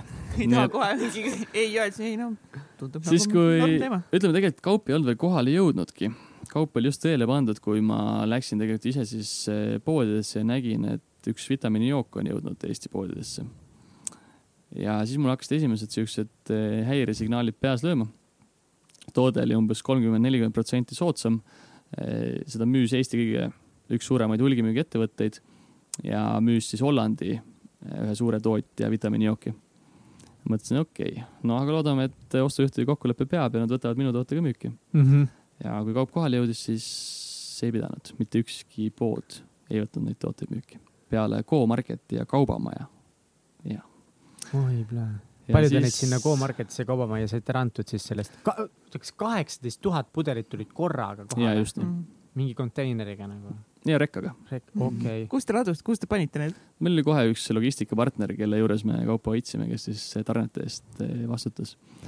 et see ei olnud probleem, aga siis tekkis küsimus, et okei okay,, et maikuu on, et nüüd on suvi tulemas, et suvel nagu peaks neid tooteid justkui kõige rohkem müüma, et mis me nüüd siis peale hakkame. ja siis me hakkasime neid tooteid müüma kõige rohkem randades võtsime enda sõbrannad-tuttavad tööle, kes käisidki reaalselt kottidega lihtsalt randades eh, inimestele tutvustamas, müümas. see oli nagu üks selliseid põhilisi siis müügikanaleid. Oh my god, aga kas sa nagu sel hetkel olid ka mega chill, kui sa said nüüd sealt kaubanduskeskustest ja toidupoodidest tagasi selle ei, et ei, me ei võta, et meil on juba teine olemas? no siis hakkas natukene jalg värisema, aga tänu sellele, et tänu sellele, et me saime, saime paari kohta tooted müüki nagu Go-Marketis, Kaubamaja ja Stockmanni ka tegelikult. et siis sealt need müügid olid niivõrd head, et must tekkis nagu mingisugune enesekindlus, et eh, come on, et see asi nagu peaks ülesmäge ainult minema. aga ei läinud ikkagi selles suhtes, et eh, läks sihuke pool aastat mööda. vahepeal ma olin siis teise osanikuga juba lõpetanud koostöö ka sest eh, noh, olukord oligi üsna nutune ja tema ei uskunud sellesse enam väga. Minul oli ka selline fifty-fifty ja, ja siis et ma tagastasin. nagu lõpeb täitsa ära või mitte, sa mõtled fifty-fifty? just mm., just ja siis ma tagastasin talle tema raha, sain eh, sada protsenti osaluse. natuke oli raha puudu. mäletan, et üldse nagu jätkata veel pärast poolt aastat siis pakkusin ühele sõbrale väga-väga odava raha eest eh, päris suurt osalust, ta õnneks ei võtnud. et ma sain oma asjadega hakkama ikkagi. Ja siis oli isadepäev ehk siis sügis mm. -hmm. kui mul need tooted aegusid isadepäeval, ma jagasin spordiklubis lihtsalt tasuta isadele, kes tulid oma lastega trenni. jagasin siis tasuta pudeleid. kui palju sa jagasid seal umbes? ikka mõned tuhanded olid meil üle et või noh, ma ütlen paar tuhat vähemalt kindlasti oh. ülejäänud me olime suutnud enam-vähem maha müüa. Aga see oli ikka, sorry, nagu see, see kuus kuud, et ikkagi nagu hustlesite siis täiega, et need maha müüa rannas igal no, pool. käisime messidel, üritustel, müüsime kohvikutes mm. igal pool wow.. ja noh, rand oli sihuke kõige põhilisem ja näitlikum koht, mis nagu mm. ja näitab, et me tõesti pingutasime. E, panime ise ka laua püsti randa ja reaalselt müüsime seal siis vot, aga, aga siis juhtus üks sihuke saatuslik moment tegelikult vahetult enne seda isadepäeva ühel messil, kus oli siis Kresti boks väljas, müüsime neid hambavalgusplaastreid seal. mõtlesin päev ennem, et oot-oot-oot, aga miks ma ei võiks sinna panna Vitamin Welli ka kuskile boksi nurka. ja saigi pandud ja siis ühe keti üks otsustavaid inimesi oli sealt siis eh, mööda käinud. talle olid hakanud meie joogid nii väga meeldima et eh, kahe kuu pärast olid need Selveris juba müügil wow.. et täpselt siis, kui esimene partii läbi sai, aeguma hakkas ja ma ei teadnud veel, kas ma jätkan, siis eh, läks asi niimoodi ja noh, pärast seda, kui Selver need tooted müüki võttis, siis hakkas asi ainult ülespoole minema ei tohi alla anda. ja see on see viim-, vaata see viimane hetk nagu, noh, et kas nüüd annad alla no,. see oli minu jaoks nagu, ma arvan, emotsionaalselt üks raskemaid hetki, sellepärast et mul oli ikkagi selline kuvand tekkinud selles õpilasfirma ajast ja ka Cresti ja nende muude asjade tegelemisest, kui kuidagi nagu juba läbi löönud noorest ettevõtjast kohati. ma käisin noortel loenguid andmas, õpilasfirmale tegemist juhendamas. samal ajal ma ise tundsin, et okei okay,, ma kohe olen enda, enda business'iga nagu täitsa pekkis, eks. aga, aga õnneks kõik läks hästi. Jesus, see on nii, see on jälle see, et mingi ei tohi alla anda. Mihkel, ei anna alla. kuulajad, ärge andke alla kindlalt on paljudel mingid teemad praegu pooleli, mis te mõtlete, tahate ära kuttida. ei kuti ära. ei kuti ja, aga mis, ei tea, mis see, see su, su sõber, kellel oli viiskümmend protsenti ettevõttest ja kes selle, selle ära kuttis, mis ta täna tunneb? ei tea, seda peab tema käest küsima ilmselt Neid story sid on maailmas ja. väga palju mm, -hmm. väga palju. aga noh, ma arvan, et iga selline asi viib inimese kuskile järgmise kohani, nii et loodetavasti ma loodan, et tema on leidnud enda jaoks täna selle, millega talle meeldib tegeleda. aga mis siis edasi sai, et nüüd oli Selveriga diil olemas, siis tellisite juurde? jep. ja mis siis, mis siis edasi hakkas üldse saama sinu firmast? no siis tegelikult eh, mõne aja pärast tuligi tööle võtta esimene töötaja juba. siis tuli võtta teine töötaja. vaikselt hakkas tulema brände juurde. et eh, tegelikult ma olen hästi tänulik, et Vitamin Well oli minu jaoks selline esimene suurem projekt, suurem bränd, sest sealt tuli meeletult eh, know-how'd nende inimeste poolt, kes selle brändi siis Rootsis on üles töötanud ja kes selle brändi omanikud on. Nemad õpetasid mind väga palju ja osaliselt võib-olla nende nagu suunitlusel eh, ma jäingi nagu väga fokusseerituks. ehk siis töötasin Vitamin Welliga, võtsin paar joogibrändi sinna juurde, et olla joogikategoorias siis tugev, võidelda, ma ei tea, Saku A Le Coq'i või Coca-Colaga, et mitte ei võtnud eh, Vitamin Welli ja mingisugust, näiteks kuiv šampoon oli vahepeal mul eh, pipeline'il yeah.. et ei, ei teinud mingeid erinevate kategooriate vahel lükkeid, vaid lõpetasin kõik oma muu äri ära, mis mul olid eh, seal need kindad ja Angry Birdsi potentsiaalsed lauamängud, eks.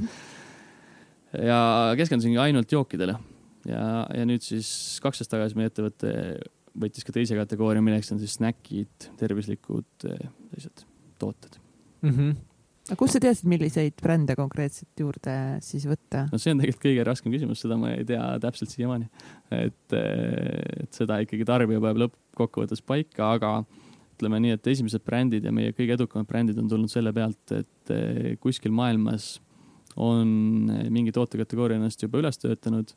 eestlased on sellest kas sotsiaalmeedia või siis ise reisides, eh, sotsiaalmeedia vahendusel või siis ise reisides eh, neid tooteid kohanud. Ja jutt on kuidagi liikvele läinud, et sellised tooted kuskil maailma otsas on olemas ja kui sa selle Eestis tood, siis käib sihuke suur pauk ja kõik inimesed tahavad lihtsalt neid tooteid, sest nad on kuulnud neist tootest. no näiteks Bearbells eh, proteiinitooted, mis meie portfellis on, nendega oli kohe niimoodi, et eh, kui need meile Eestisse jõudsid, siis me mõtlesime, et okei okay,, mis toimub, et kuidas inimesed teavad sellest juba ja nii suur nõudlus on, aga nad olid sotsiaalme sotsiaalmeedia vahendusel juba tooteid näinud nii palju. vot, kes teil turundust teeb? See turundus tuleb? no ütleme, turundusega on erinevalt, et osade brändide puhul me teeme täielikult ise, enamike brändide puhul täielikult ise, eriti Vitamin Välliga algusaegadel, aga mida suuremaks kõik brändid kasvavad, seda nagu tsentraliseeritumaks nende turundusstrateegiad ja kõik asjad lähevad, et osaliselt tuleb siis ka brändide poolt see turundusstrateegia. aga jah, meil on enda siis inimesed, kes on välja koolitatud mm.. Kas sina oled välja koolitanud? jah, suures plaanis võin, võib nii öelda, et Saad mina koos tootjatega. sul on ja, nagu, Jenny mulle ka nii palju rääkinud lihtsalt, kui tugev turundustiim teil on, noh, see vähemalt, mis välja paistab ja kuidas te olete igal pool kogu aeg ja see on täiesti ebareaalne. vahepeal mõtlengi nagu, et meil on nagu mingid divisjonide eksjuhid ja tüübid siin-seal, kes on kõik kakskümmend aastat siin turundusmaastikul olnud. ja siis tuled sina ja vahepeal mul nagu tunne, et nagu teed kõigile ära turundusega. see on jälle sama asi, et et kui sa alustad viiekümne euroga, sul ei ole raha, siis sa pead leidma lihtsalt kõige efektiivsemad viisid, et eh, divisjonid ja muud toredad agentuurid ja suured ettevõtted, Saku Õletehas ja A Le Coq, nad on harjunud, et nad teevad oma tavalist eh, turundusmiksi. Eh, teevadki telereklaami, raadioreklaami mm.. ma arvan, mul oli nagu selles mõttes õnn ka, et, et ma olin ikkagi üks esimesi generatsioone nagu sotsiaalmeedia maastikul. Ma sain seda tegelikult kohe enda jaoks ära kasutada. kas teil on kogu turundus läbi sotsiaalmeedia või? no suures plaanis ma ütleks, et äh, ma arvan, seitsekümmend viis, seitsekümmend viis protsenti meie tavalisest turundusest toimub nagu nii-öelda sotsiaalmeedias. me oleme teinud ka telereklaame, raadioreklaame, outdoor'i, selliseid asju, aga ausalt öeldes kõik nende tulemused on olnud sellised, et ma mõtlen, et äh, miks, miks, et no vahel see on hea nagu brändi imago mõttes, aga, aga üldiselt äh, sotsiaalmeedia on hästi mõõdetav, mulle meeldib see aga tegelikult ütleme, meie hulgi müügi business'is on hästi suur turundusosakaal ka selles, mis toimub poesiseselt. ehk siis su väljapanekutel mm., hinnakampaaniatel, kõik see pool on väga-väga oluline. ja meil on need äh, Bearbellsi šokolaadi on see, et noh, Jenny on ka meil tervisliku toitumise peal siin onju ja ise ka siin kapsa peal ikka vahepeal. ja siis on see, et nagu, aga Bearbellsi vahepeal võib ja me käime Selveris, meil on Kotka Selver lähedal, seal on täpselt ühe riiuli nagu otsas niimoodi ilusasti, nähtavad, et kui ma tulen seal juurviljade juurest, ma ei saa kunagi sealt niimoodi mööda minna, et ma ei näe neid. Nad on nii värvilised, nii ilusad sealt, siis ma seal ikka jumal tihti selle ühe sealt pean ikka võtma. no vot, et see, see toimib eh, tegelikult ma ütleks kõige-kõige paremini, kui sul on selline väljapanek mm. -hmm, see on crazy no kuidas sul on läinud äh, teiste turgude vallutamisega, et? Äh, ja me proovisime, ühesõnaga Vitamin Valley me lubasime, et poole aasta pärast, pool aastat töötame Eestis asja ülesse, tegelikult just kuulsite, kuidas asi läks ja siis läheme Lätti-Leetu. No Lätist, Leedust jäi asi ikka väga kaugele, kui me isegi Eestis hakkama ei saanud algul.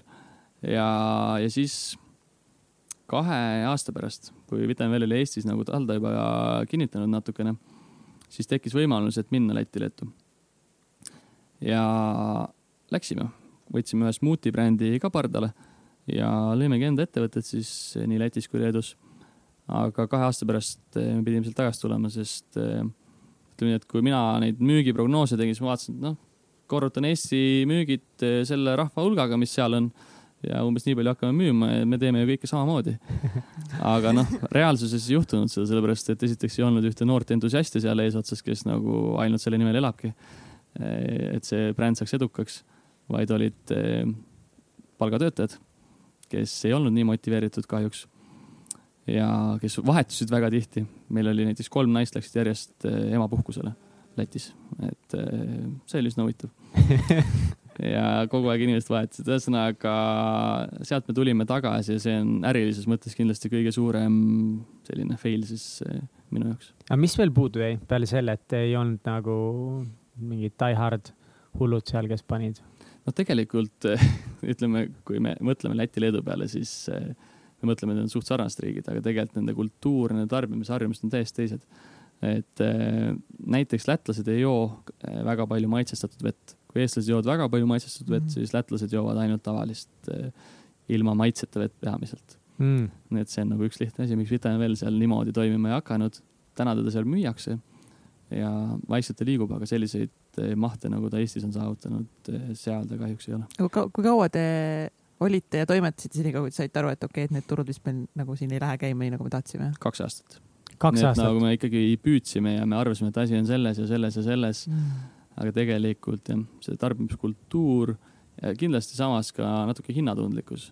Nad on oluliselt hinnatundlikumad seal ja nad ei ole nii brändilojaalsed, eestlased on meeletult brändilojaalsed, et eh, noh.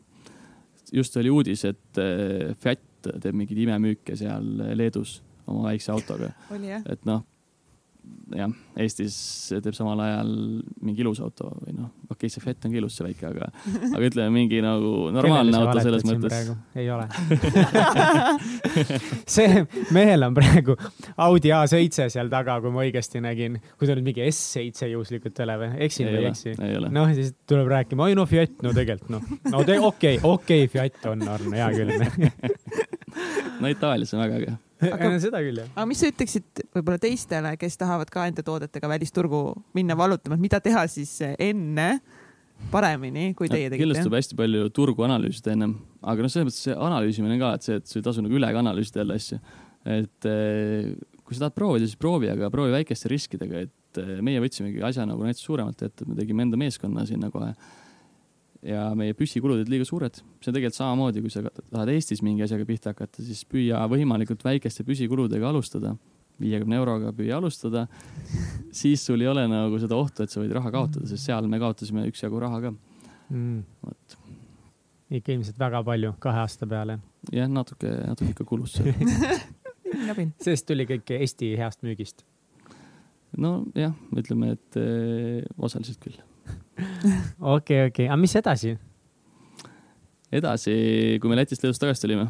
mis üldse, mis üldse sinust edasi saab, kuhu te liigute? aa, selles mõttes mm -hmm., noh, tegelikult eh, mul küsiti seda juba üsna ammu, juba seal õpilasfirma aegade lõpus ja Vitamin-Velliga alustamise alguses, et mis plaanid on. siis tegelikult algusest peale on plaan olnud see, et kogudagi, nagu ma enne mainisin, ka know-how'd, kapitali ja kontakte. et eh, välja töötada enda brände ja neid eksportima hakata siis, et maailma vallutada. ükskõik millega või ainult ikka joogid? no ütleme tegelikult eh, jah, kindlasti joogid on nagu see minu pärusmaa, milles ma tunnen ennast eh, eh, nagu kala natuke vees. aga ma ei välista, et see võib ükskõik mis muu ka olla, et võib-olla, võib-olla need on hoopis mingisugused suuremad asjad, võib-olla hakkan maju hoopis müüma või. jah, kes teab. ettevõtlikud inimesed. aga kuidas, korra räägiks sellest, kuidas äh, oli, kui sa alguses äh, tõid maale tooteid ja mis hetkel sa mõtlesidki, et võiks nagu hakata mingit enda toodet siin Eestis nagu päris nullist tegema? no see juhtus siis, kui me olime nagu ennast äh, tegelikult Eesti turul kenasti sisse seadnud.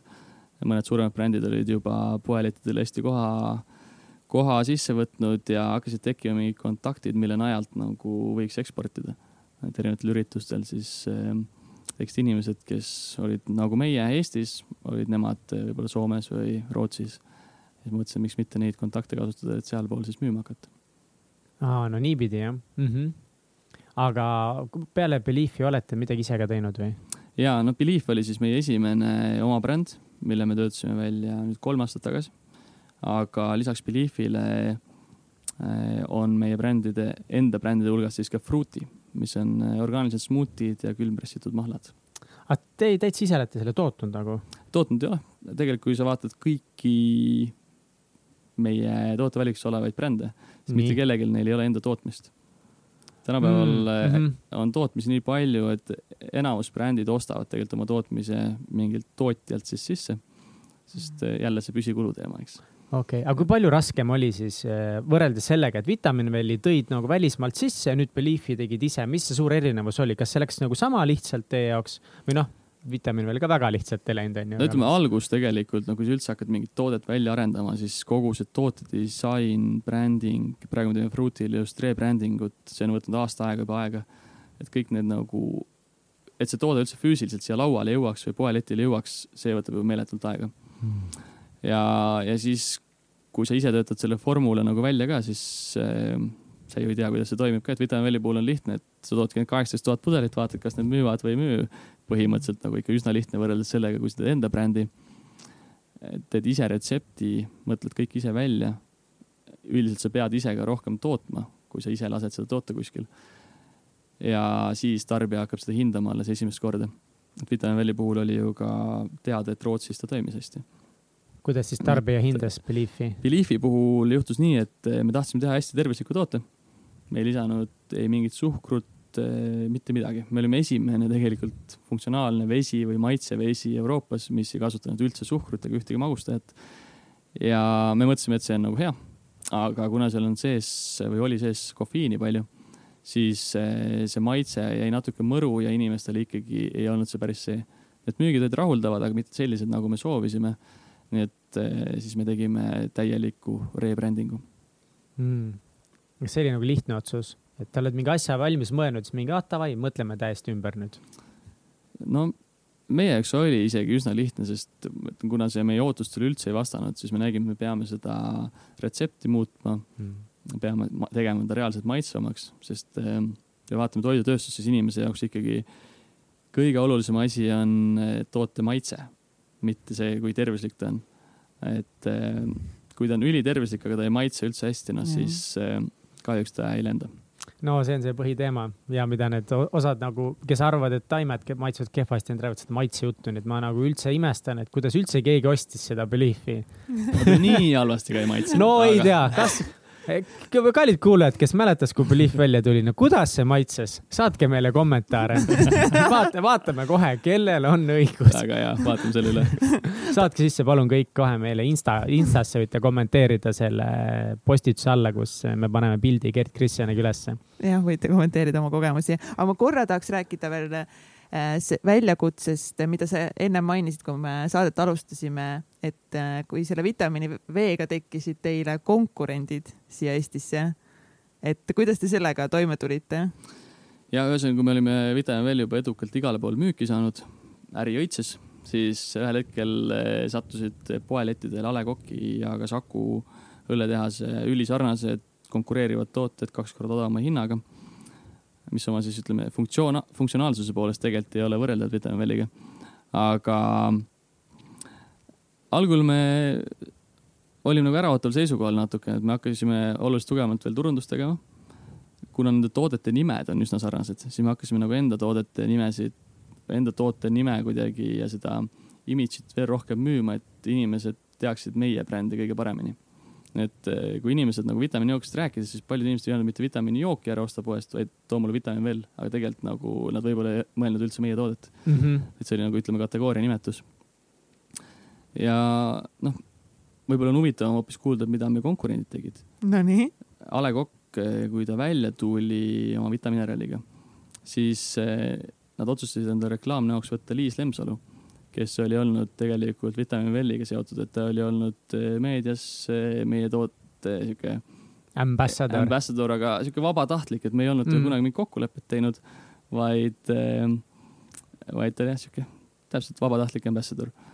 ja siis A Le Coq mõtles, et oi, et keda võiks võtta endale ambassadoriks ja siukseks korralikuks reklaamnäoks telesse ja autoridesse igale poole ja siis loomulikult nad võtsid Liisi, sest Liis oli meiega seotud olnud. kas siuksed asjad ei närvi sind?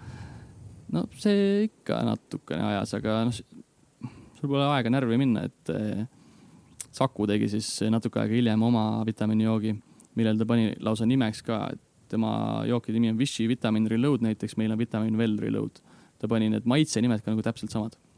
ja siis... sildid on ka hästi sarnased yeah., tegelikult kõik on siuksed heledad ja ongi väga raske vahet teha. on, on ja siis eh, rootslastega me arutasime, et mis me nüüd teeme, et kas me kaebame selle kuskile, näiteks selle Vitamin Well Reload'i ja Vichy Vitamin Reload'i osas. või jätame selle nii ja siis me otsustasime, et miks me raiskame enda aega mingile kaebamisele ja protsessimisele. teeme neile lihtsalt turunduses ja müügis pähe. ja tegite?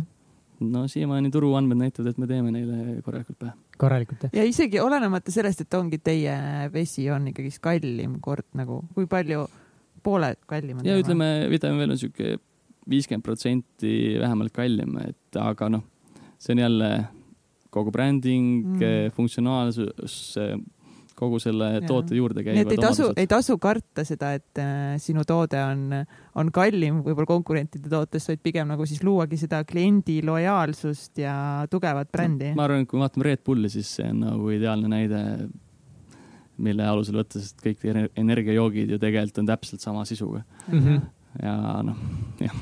kogu see nii-öelda vitamiini V sõda see tegelikult ju toob ainult inimesi sellele juurde, et, et üleüldse, et võib öelda, et ainult müügid kasvavad. tegelikult või... Äh, me ise uskusime ka sellesse, et kategooria hakkab kasvama või suured tegijad hakkavad ka seda omalt poolt promoma telereklaamide ja muu sellise näol, et äh, täna see on kõige kiiremini kasvav nagu veekategooria või joogikategooria Eestis.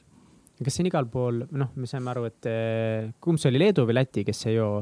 lätlased. lätlased ju, aga mujal maailmas, Euroopas on siuksed veed populaarsed või? ja väga populaarsed, ma just tulin Hollandist, seal samamoodi Vitamin Well on kõik riiulid vallutanud. Ehm, ja üldiselt eh, on väga-väga populaarsed. mis sellest Hollandi brändist sai, mis Eestisse tuli alguses? ahaa, ja just, eh, see bränd eh, lõpetas oma tegevuse äkki pärast poolteist aastat, et kui nad algul omasid turuosa põhimõtteliselt sada protsenti, siis pärast aastat nende turuosa oli sihuke kakskümmend protsenti umbes. ja Vitamin Well turuosa siis kaheksakümmend protsenti. et see on näide sellest et kui sa tegeled millegagi fokusseeritult, siis tõenäoliselt sul läheb edukamalt kui sellel, kes tegeleb saja asjaga korraga. ja siis nende jaoks oligi tegelikult see vitamiinijook nagu üks sajast erinevast brändist. see on nii crazy lihtsalt. vaadake Gert, mitte Gert Kristjani kodulehte, vaadake GKR Treidi kodulehte ja kõik need brändid, mis teil on, need on kõik nii hullult seksikad brändid ka kuidagi, et ikka valik on lõpuks päris hea olnud, kuigi ma kujutan ette, et on palju läbi käinud, mis lihtsalt ei ole saanud oma seda jah, on nii mõnedki, mõningaidki brände, mis on olnud meil sortimendis, aga mis on tänaseks välja läinud. aga õnneks enamus on ikkagi püsima jäänud. kas sa oled hea juht? seda, ma arvan, peab küsima mu töötajatelt. aga mis sina arvad? no ma arvangi, et seesama teema, mida me ennem käsitlesime, et eh, ma arvan, et see karm olek võib-olla on natuke vajaka aga ma arvan, et selles mõttes, et inimestel, ma usun, meie kollektiivis on nagu chill olla, et ma arvan, meil inimesed ei ole liiga tihti tundnud ennast väga halvasti töö juures või ma ei mäleta, et me keegi oleks kunagi nutnud töö juures kurbusest, et tal on nii pingeline või halvad kolleegid või halb ülemus. et eh, jah, ma arvan, et üldiselt meil on sihuke chill vibe. kui suur see meeskond on?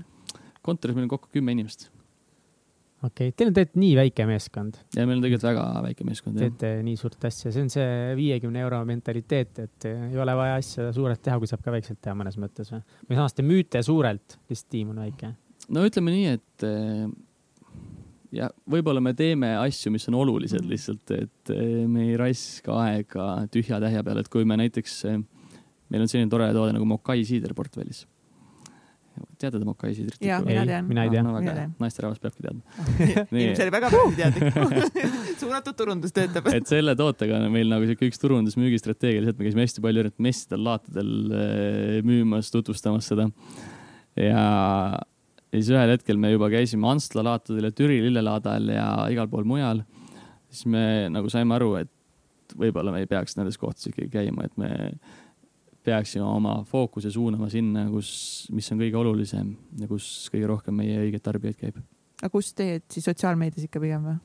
no ütleme selle siidri puhul eh, noh, pigem kui me üritustest räägime, siis võiks need olla võib-olla mingi ilumess ja sellised kohad, eks mm., mitte maamess ja aga kui palju te üld, veel üldse käitegi nagu messidel ja laatadel, ükskõik milliste enda toodetega? no tegelikult me käime, sest äh, päris palju, sest meil on äh, Nocco ja Bearbells eelkõige ja ka Fruity Smoothid, millega me käime orgaaniliste mm., orgaaniliste toodete laatadel, spordimessidel, üritustel et üsna palju. et ikka tasub, tasub käia, et ei ole nii, et need on nagu väljasurev koht, kus lihtsalt. ei, väga, vägagi tasub käia ja kui sul on just seal see õige sihtrühm ka aga kuidas sa ikkagi tead täpselt, et sa ütled, noh, et te teete asju, mis on olulised, sa enne mainisid seda ka, et sa hästi palju vaatad numbreid, et sotsiaalmeedia puhul on väga hea, mulle endal meeldib ka nagu siuksed datapõhised otsused.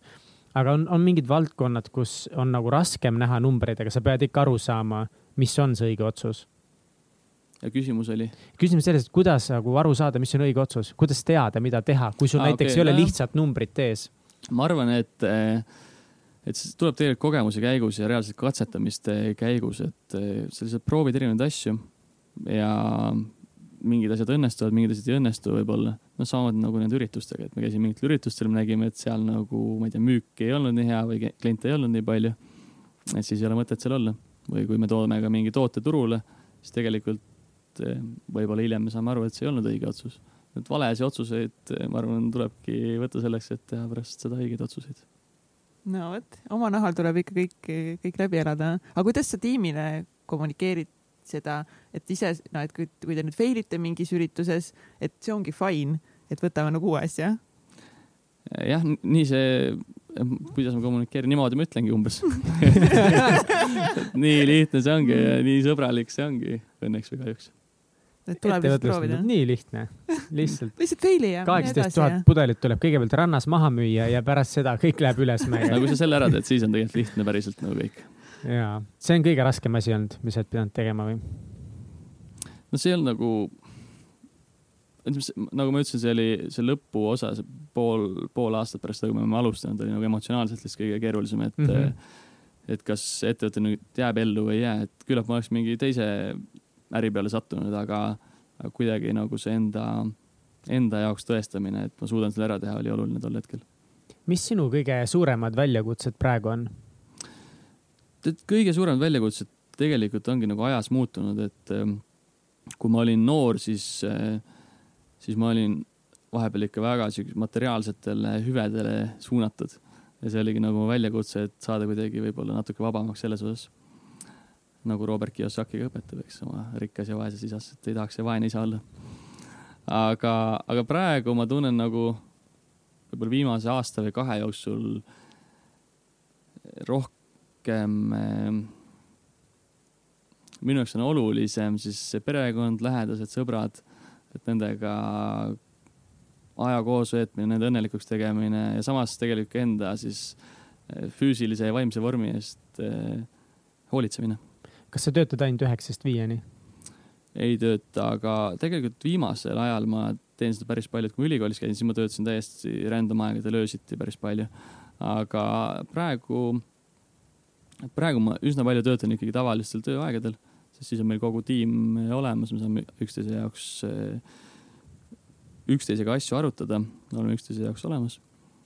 aga, aga vahel loomulikult tuleb ette seda, et tuleb ka õhtuti hilja töötada või öösiti. lihtsalt raske on leida seda aega naise jaoks, pere jaoks, sõprade jaoks, hobide jaoks ja kõige muu jaoks, et kui sul on midagi, mille eest sa vastutad või kui neid asju on palju, et noh, alustavad ettevõtjad ju kõik teavad, et noh, sa paned kakskümmend neli seitse, onju, aga mingi hetk see saab muutuda, et kui sul on meeskond, inimesed, kellele saad toetuda Just ja, ja kui sa iseendale sead nagu mingisugused piirid ilmselt. no seal on kõige raskem asi on see, et kui sa oled ise nagu üksinda kõike teinud alguses, nagu mina mm. olin kuidas sa siis hakkad delegeerima neid asju? kuidas sa võib-olla julged ka usaldada inimesi mingeid asju, no väga lihtne näide, isegi Vitamin Valley sotsiaalmeediakontosi mul oli raske käest ära anda, sest ma mõtlesin, et eh, kas, kas nad ikka teevad õigesti neid asju. aga jah, õnneks, õnneks ma andsin selle käest ära. nüüd saan like ida neid asju, mis seal on. aga, ja teevad palju paremini kui mina, et see ongi nagu, ma ütleks, delegeerimine oli minu tegelikult kõige suurem nõrkus, kui ma ettevõtlusesse astusin, et eh, ma ei osanud tegelikult üldse väga delegeerida, et mulle meeldis ise asjad ära teha kiiresti. siis ma teadsin, et need on niimoodi tehtud nagu vaja. aga kokkuvõttes on see, et eh, mul hakkasidki asjad üle pea kasvama või kuhjuma ja ma ei teinud neid enam sellise kvaliteediga, nagu peaks tegema. et eh, ütleme, et võib-olla sotsiaalmeedias sul iga päev vaja postitust, siis mina ei jõudnud seda teha enam. ja noh siis sa pead nagu asja kellelegi edasi andma. aga kui kaua sul võttis aega see, et kui sa alguses olidki üksi, sa hustlesid võib-olla kakskümmend neli seitse ja nüüd siia tänasesse päeva, kus sa saadki öelda, et nagu noh, pigem ma olen ka nii nii-öelda nagu üheksast viieni, võta rahulikult vaja, siis teen siin ja seal, et kaua see ettevõtte arend-, arendamine toimus? meie ettevõte on just sai seitsmeaastaseks. ja ma ütleks, et eh, viis ja pool aastat vähemalt võttis see aega, et ongi sihuke poolteist aastat on võib-olla olnud nagu nüüd niimoodi, et meil on asjad nagu selles mõttes kontrolli all, et kui mul telefon välja lülitatud või ma olen kuskil reisil, et siis, siis ei ole vaja, et ma kohe sekkun, aga muidu näiteks kolm aastat tagasi, kui ma olin Ameerikas või Tais, siis eh, ma pidin seal nagu öistel tundidel, kui Eestis oli päev, ikkagi tööd tegema vahepeal, sest olid mingid asjad, mida keegi teine ei saanud teha või ei osanud teha. Wow.. viis ja pool aastat, rahvas viis ja pool aastat. noh, loodetavasti mõnel läheb kiiremini. ja, ma loodan, mõnel läheb kiiremini. mõnel lihtsalt... lähebki, aga see on nagu lihtsalt sihuke keskmine statistika ikkagi, mis näitab, et viis aastat tuleb nagu hustlida. muidugi on neid miracle värke, kes kolme kuuga siin panevad hullu ja teenivad miljoneid. viis aastat on ju see ka, et eh, see piir, enne mida lähevad päris paljud ettevõtted pankrotti, et võib-olla ongi mõistlik viis aastat ise ikka täiega hullu panna, et siis oled kindel, et ettevõte pankrotti ei lähe okei, mhm, okei, aga see on see, et sa pead nagu arvestama siis, et viis aastat sind ei ole siis sõprade ja pere jaoks või, või kuidas sinul oli, sest ma ikka väga palju näen seda, et noh, siis nad on läinud ka. ja see oli üsna nagu keeruline, et noh, tegelikult kuidas ma üldse oma ettevõtlusteekonnaga alustasin, esimese ettevõtte ma lõingi tegelikult pärast kümnenda klassi suvel. Ja ma mäletan, et see mindset oli see, et ma ei lähe sõpradega lihtsalt välja lulli lööma, vaid ma hakkan oma ettevõtet arendama. aga ütleme siis jah, GKR Trade'i poolelt Eh, kuna ma käisin sel ajal ülikoolis kolm aastat EBS-is, selle kõrvalt siis seda ettevõtet arendasin, et see oli päris eh, sihuke kiire aeg. ja kui ma veel Läti-Leedu projekti võtsin, siis, ehm, siis võib öelda, et ka väga palju tõesti aega ei olnud, et isegi jalgpall, mis mulle väga meeldib, jäi natuke tahaplaanile vahepeal. aga, aga siis oli näha ka, et eh, need tulemused tööl ei ole ikkagi sellised, kui sa ei saa ennast välja elada kuskil mujal, vaid oled kakskümmend neli seitse selles nagu töös sees mm. -hmm. sa pead vahepeal suutma lõõgastuda. kas sa oled sõpru ka kaotanud sellepärast, et lihtsalt nii kiire oled kogu aeg, et lõpuks nad ei viitsi sind enam kuskile kutsuda, sest sa nii või naa ei saa minna? no ütleme nii, et tegelikult eh, selles vanuses, mil ma alustasin GKR Trade'iga üheksateist aastaselt, siis sõbrad kutsuvad sind tihtipeale nagu õhtuti kuskile, eks. et need kutsud me ikka üldiselt võtsime vastu aga aga ei, ma arvan, et äkki ei ole ühtegi sõpra kaotanud, et kui kedagi olen ja keegi kuulab, siis andke märku, et saame sõbraks jääda. kas sa nüüd äh, praegu tunned, et äh, I have, I have made it? no ütleme, see nagu esimene faas võib-olla on tehtud ja Eesti turul me tunneme ennast üsna mõnusalt ja just see, et meie kollektiiv on hästi mm. tore väga,. väga-väga mõnusad inimesed on kontoris ja, ja kõik teevad seda, mida nad oskavad väga hästi. et nüüd on tegelikult ongi mingid järgmised väljakutsed, et üks asi on see enese nagu rahulolek, eh, vaimne, füüsiline seisund, eh, lähedased, sõbrad ja nii edasi, aga kindlasti töö mõttes ka nagu eh, on mingisugused järgmised väljakutsed just nende enda toodete siis eksportimise selle osas mm. -hmm. mul on veel üks küsimus seoses sellega, kuidas sa valid endale meeskonda ja töötajaid? sellega on üks huvitav lugu, et tavaliselt, kui ma olen otsinud inimesi, siis on juhtunud kuidagi nii, et mul on olnud lõppvoorus kaks inimest, kelle vahel ma ei oska valida lihtsalt. ja mul on mitu korda, ma arvan, kolm korda juhtunud nii, et, äh, et ma olen valinud siis ühe inimese, kes on pärast mõnda aega ikkagi tulnud välja, et ei sobi meie tiimi hästi. ja ma olen kutsunud selle teise inimese, kes siis algul välja jäi mängust ikkagi tööle, kuigi tema juba teab ka, et ta ei saanud, eks. ja jah nendega on kusjuures kõige paremad suhted meil olnud, nad on kõige paremad töötajad reaalselt olnud, et see on väga-väga huvitav. ma ei tea, võib-olla tulevikus peaksingi niimoodi tegema, et mitte seda enda jaoks kõige paremat konkurssi valima, vaid seda teist. aga kuidas sa või kui kaua sa annad inimesele aega, et sa ütled talle, et, et noh, me vist, sa ei sobi vist siia meie meeskonda. no ütleme, see on jälle see probleem, et, et ma ei ütle asju karmilt väga, eks, või või. Kuidas sa siis ütled? kuule Kati, et noh, vaata nagu noh, ma ei tea, sa homme teed, äkki ei tule tööle. ja ma ongi selles, ma ei taha seda öelda ka veel, nii et tihtipeale need olukorrad on tegelikult viibinud natuke võib-olla isegi liiga pikaks. aga siiamaani on kõik ikkagi õigel ajal, viimasel hetkel, ma usun, ära tehtud. ja ma mäletan ühte oma töötaja kommentaari, et kui me ühele enda siis müügijuhiga, ühele müügiinimesele andsin märku, et et, et peaksime lepingu lõpetama, koostöö lõpetama, siis ta oli täiesti vaimustus, kuidas ma suutsin seda nii rahulikult ja siis chill'ilt nagu öelda et eks see nõuab ikka omajagu sellist ähm,, ma ei tea, vaprust ka. aga, aga noh, selles mõttes see ei ole ju midagi õudset. see tundub mingi... midagi väga õudset. Väga... see tundub mina olen just selle läbi nüüd praegu elanud, oma esimese töötaja palkamine ja mm. siis temast nagu loobumine nelja kuu pärast. No ma mõtlen, et tegelikult seal vestluses ilmselt tulebki nagu märku anda, et tõenäoliselt, kui sa niimoodi tunned, siis ka teine pool tegelikult ei ole sada protsenti rahul tööga mm.. kui ta on sada protsenti rahul, noh siis on muidugi keerulisem aga, aga seal peavad olema mingid väga selged selgitused, põhjendused, miks see koostöö lõpeb ja noh, alati sa saad ju viidata sellele, et eh, kuule, sulle sobiks, ma arvan, hoopis see asi väga hästi, et eh, Jep. proovi seda. jep, aga kas, kui sa oma esimese töötaja palkasid, kas sa tollel hetkel suutsid talle nagu pakkuda seda, seda palka ja neid tingimusi nagu, mis sa täna enda töötajatele suudad pakkuda? ei, kindlasti mitte, et noh, selles mõttes oligi, et sellepärast ma ka ilmselt tegin nagu väga palju ise, et et ei olnudki finantsiliselt võimalik eh, võtta selliseid inimesi kohe tööle ja nii palju inimesi tööle, kui vaja oleks olnud võib-olla. Aga kuidas sa siis lahendasid selle olukorra, kas sa võtsid siis ikka inimese tööle ja pigem maksid talle nagu vähem või kuidas sa motiveerisid teda nagu tööd tegema? Katsil on täiega töötajaid vaja ma, ma, ma võtan praegu kogu know-how nagu, mis ja, ma ei, saan. see on nagu. väga hea, lihtsalt. ütleme siis, ütleme siis nii, et tegelikult ma arvan, ma maksin ikkagi selle valdkonna nagu keskmist tasu mm.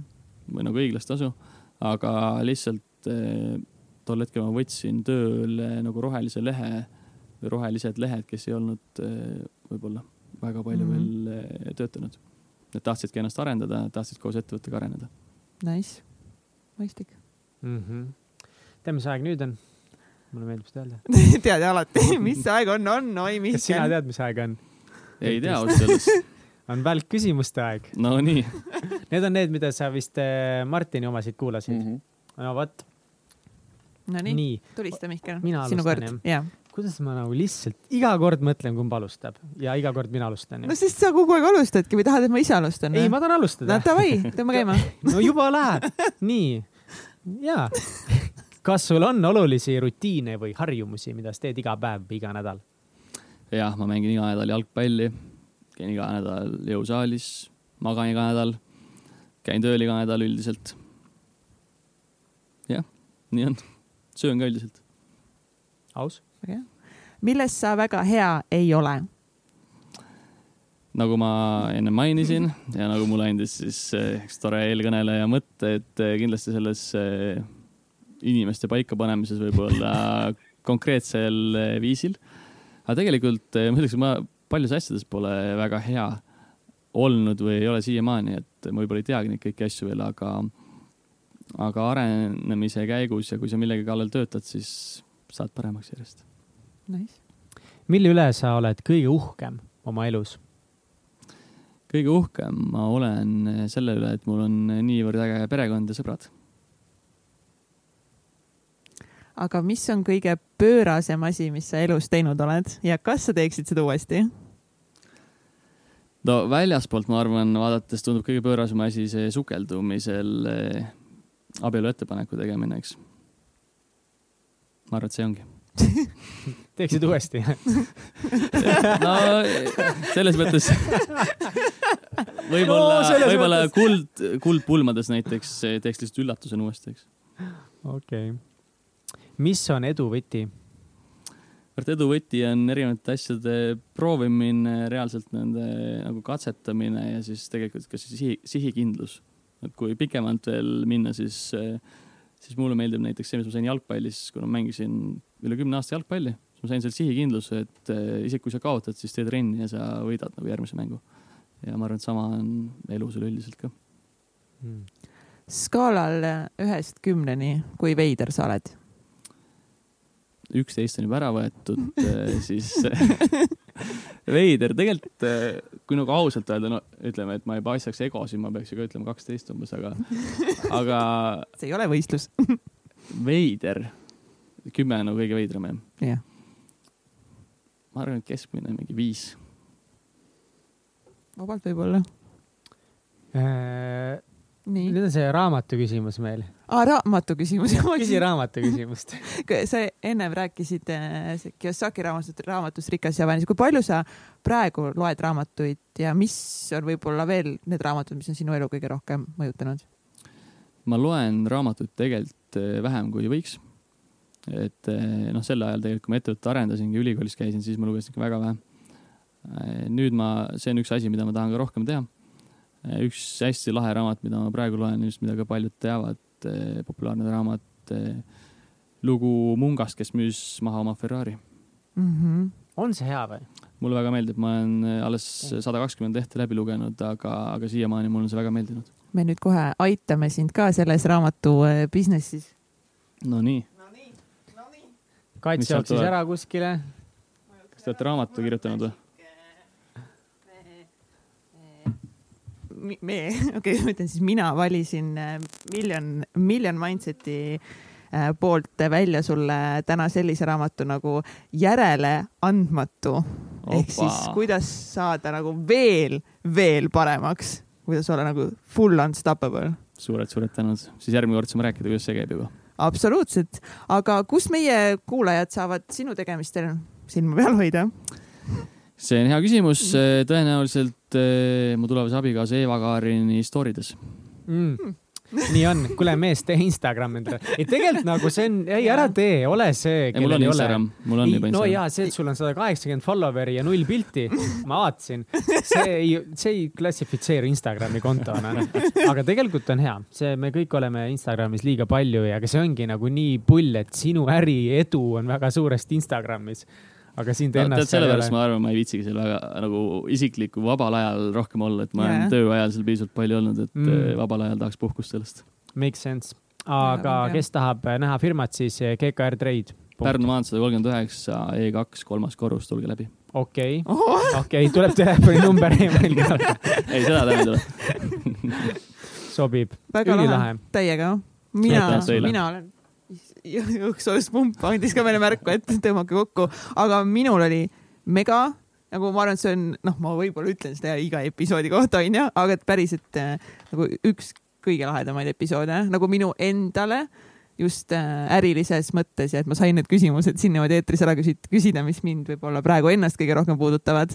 ja suur aitäh sulle, et sa võtsid selle aja ja et sa tulid äh, meiega ja meie kuulajatega enda lugu jagama. suured tänud teile. ja aitäh ka minu poolt. üks põhjus, miks me seda asja teeme, on see ikka omakasuna, et ja, kui me enda ainult. küsimustele saame vastused, siis see on juba mega-mega vinna. Te olete järeleandmatud.